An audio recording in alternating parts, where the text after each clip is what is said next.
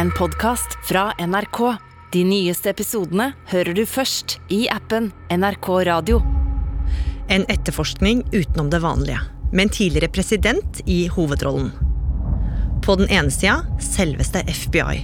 På den andre Donald Trump. The home of the 45th President of the United States has been raided by the FBI. Men denne gangen er saken større enn ham selv. This investigation, according to multiple sources, involves the handling or removal of White House records. What we're learning about the investigation that's focused on his potential mishandling of what could be classified material.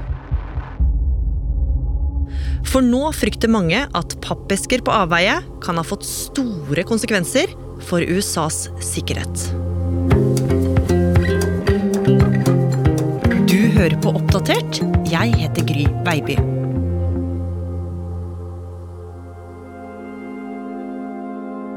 Året er 2021, og det er en helt vanlig dag i Washington DC.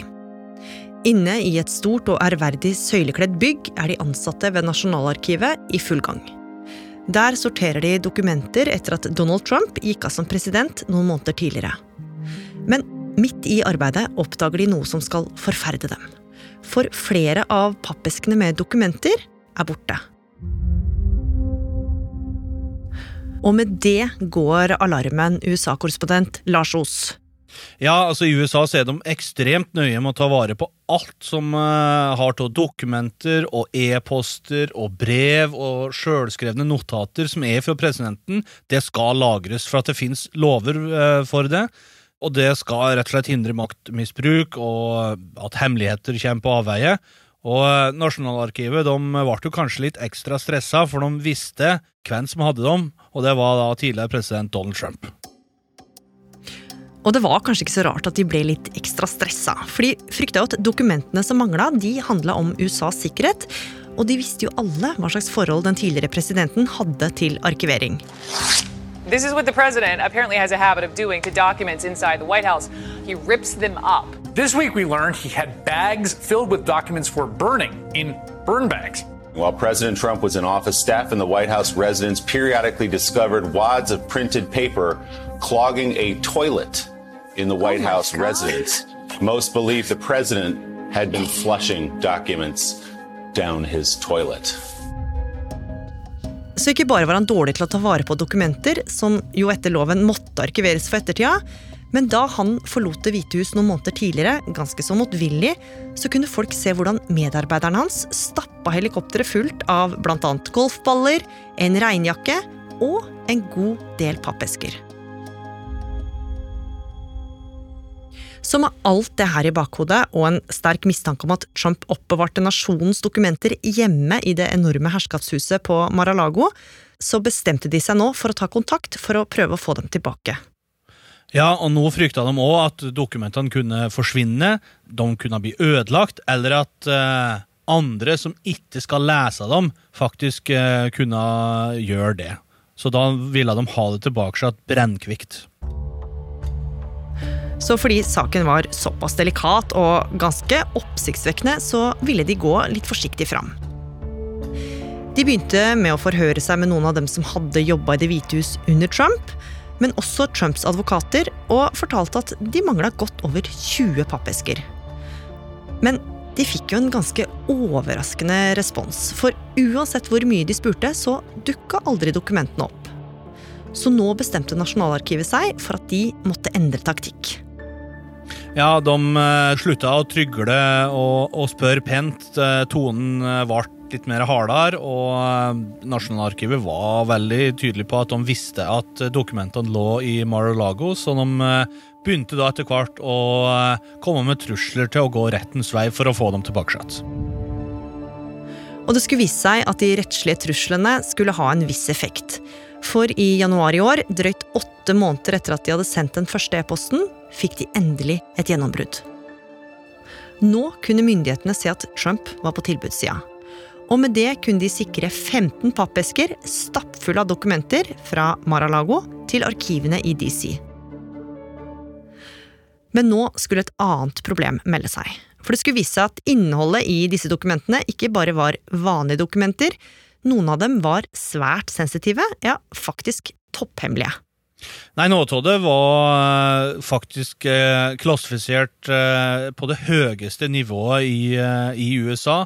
Det er så hemmelig at sjøl om du har en generell gradering for å lese det, så må du som et individ ha spesiell tillatelse over der at og noe av dokumenter kan og ikke eh, leses overalt. De må leses inn i spesifikke rom som er forsegla, eh, der du må legge ifra deg telefonen.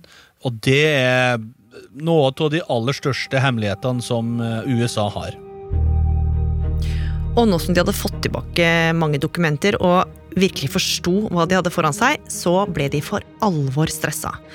For ikke bare hadde det tatt veldig lang tid, men det som kom, var jo viktige dokumenter som aldri skulle vært hjemme hos Trump i utgangspunktet.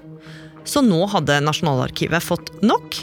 De bestemte seg for at Trumps håndtering av sensitiv informasjon måtte få konsekvenser.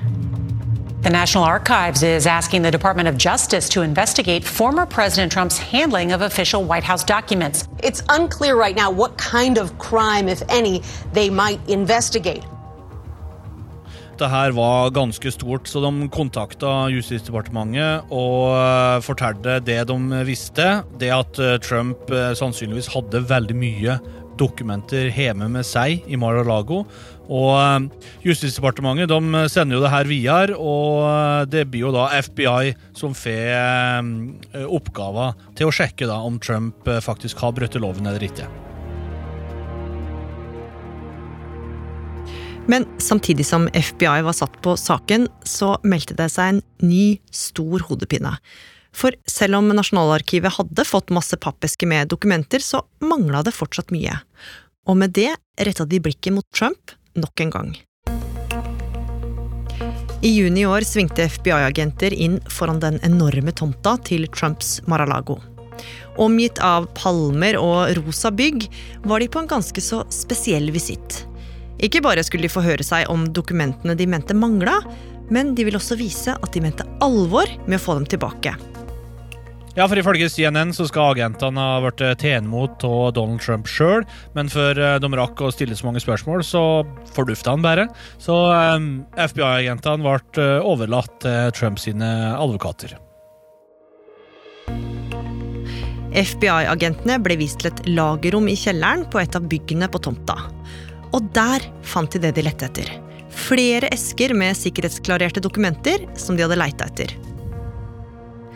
Men fordi de ikke bare kunne ta med seg dokumentene der og da, ba de Trumps advokater om å sikre rommet. Ja, altså De tolka det uh, dit hen at uh, Trumps folk ikke tok det her uh, så alvorlig. For de, uh, de, svarte i praksis med å henge opp en enkel hengelås på døra utafor det her rommet da de hadde lagra dokumenter. Så nå hadde FBI sett med egne øyne at Trump oppbevarte offentlige dokumenter ulovlige. Men ikke bare det, for det viste seg at sikkerheten der var helt krise. For gjennom overvåkningsvideoene de hadde krevd fra Mar-a-Lago, så begynte det å tegne seg et tydelig bilde. For da de så over filmene, så la de merke til at folk de kom og gikk som de ville.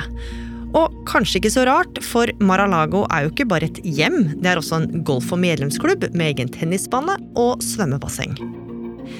Så nå frykta myndighetene det verste. Nemlig at utenlandske spioner nærmest bare kunne spankulere inn og få kloa i dokumentene. Noe som jo kunne sette USAs sikkerhet på spill. Og med det så bestemte Justisdepartementet seg for at de ville gjøre noe ganske så omstridt. Noe som aldri før hadde blitt gjort i USAs historie de ville rett og slett ta seg inn i Donald Trumps hus med makt, som da en del av en kriminell etterforskning. For å rett og slett hente med at de dokumentene de trodde da at Donald Trump hadde i Mar-a-Lago. Og det er jo ikke bare-bare å ransake noens hjem i USA, det er ganske strengt. Og her var det jo snakk om en ekspresident, og det har jo aldri skjedd før.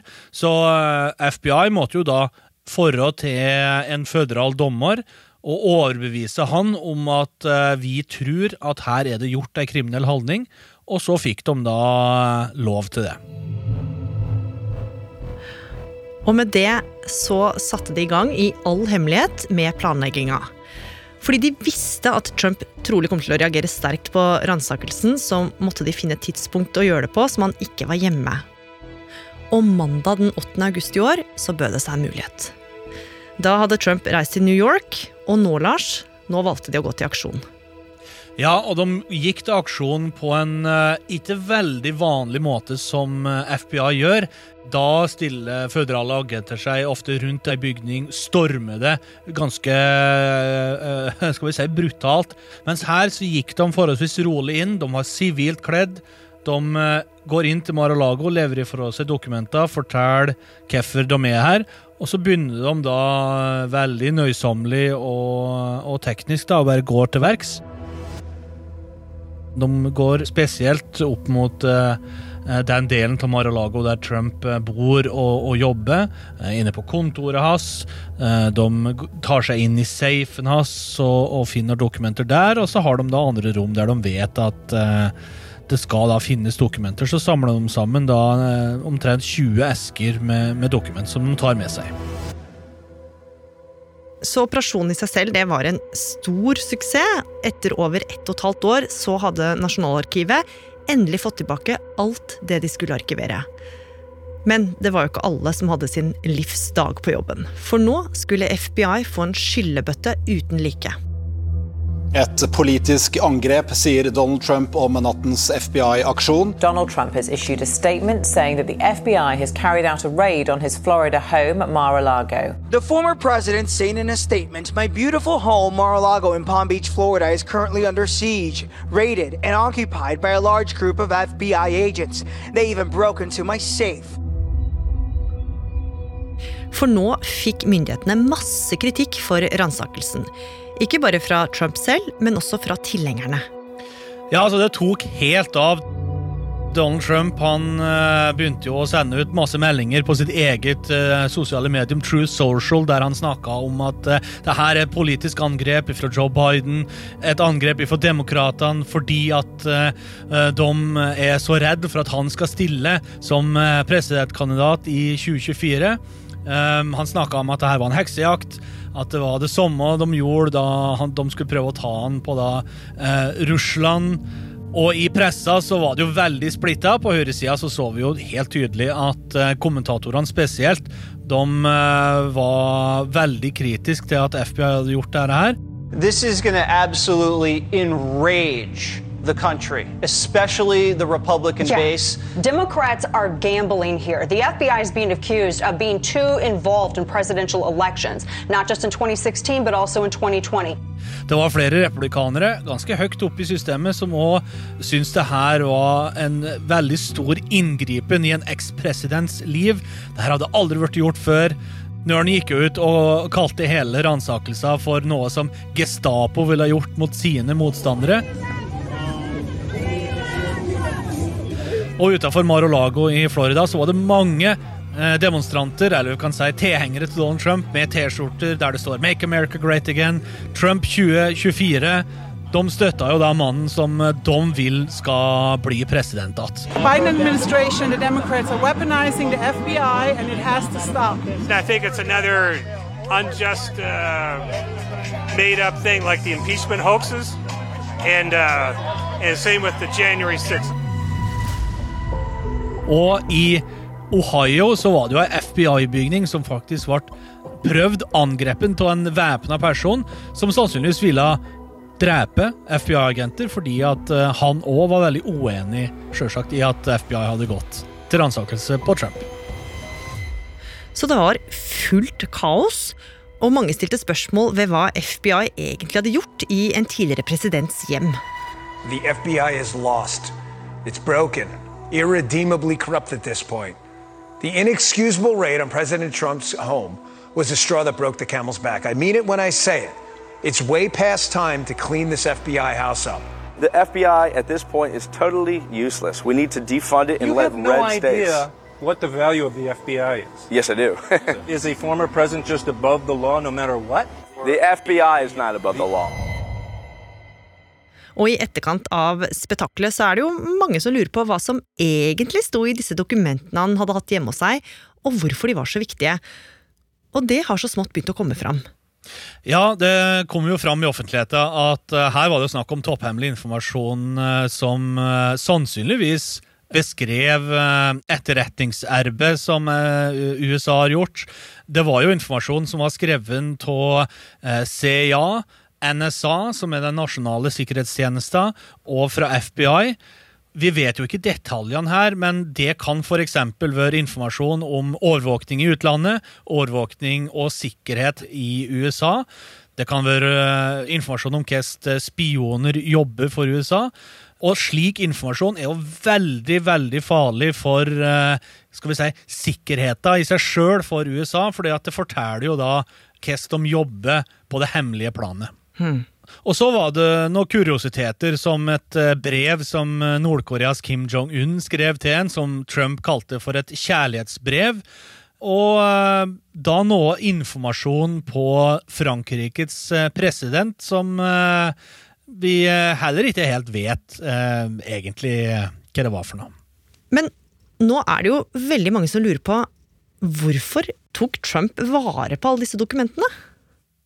Nei, Det er jo litt vanskelig å svare på, for det er jo ingen av oss som vet egentlig hva Trump tenker. Men New York Times for eksempel, de eh, skrev at eh, Trump han er veldig opptatt av å samle objekt fra kjente personer eller situasjoner, og så skryte av det og vise det frem da, til folk som eh, han møter.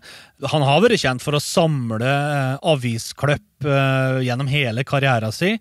Men det er jo en alvorlig del i det her òg, for at det er noen som rett og slett spekulerer i om at han uh, kan bruke den informasjonen her til å tjene penger, eller ved å selge det som uh, statshemmeligheter til andre land til sin egen fordel. Trump står nå i fare for å bli tiltalt for å ha brutt tre ulike lover, i tillegg til at han allerede etterforskes for flere saker. Og det kommer stadig mer informasjon. Blant annet så skal Trumps folk ha gjemt unna dokumenter da FBI var på sitt første besøk. Og 1.9 så gikk president Joe Biden opp på en talerstol i Philadelphia, og det han skulle si, skapte overskrifter verden over. Too much of what's happening in our country today is not normal. Donald Trump and the MAGA Republicans represent an extremism that threatens the very foundations of our republic. Han kalte rett og slett Trump for en ekstremist. Men Lars, om vi skal se det store bildet og konsekvensene for USA, hvor alvorlig er denne saken for den nasjonale sikkerheten i landet? Den er veldig alvorlig, fordi at hvis uh, USAs fiender får kloa i hvordan de f.eks. kan angripe landet gjennom uh, de her dokumentene, så setter jo amerikaneres liv i fare. Uh, og da blir ei slik lekkasje av hemmelige dokumenter sett på som ren forræderi. Og det er noe myndighetene her er veldig redd for. Avsløringer som spesielt kan gagne USAs fiender.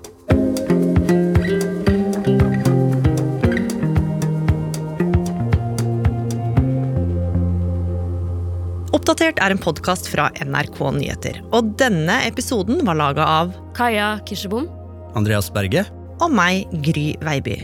Programredaktør er Knut Magnus Berge. I denne episoden så har vi brukt klipp fra MSNBC, CBS, CNN, BBC, Local 10 News, Fox News, NBC, EBU og NRK. Har du tips eller kanskje innspill, så må du gjerne sende oss en e-post på oppdatert krøllalfa nrk.no. podkast fra NRK. Hei, jeg heter Torfinn Borchhus. Gal og genial er historier om vitenskapens største og gærneste genier. For eksempel Nicola Tesla, som syntes det ekleste i hele verden var øredobber og hår, men som sørga for at du har strøm i stikkontakta di i dag. Gal og genial hører du først i appen NRK Radio.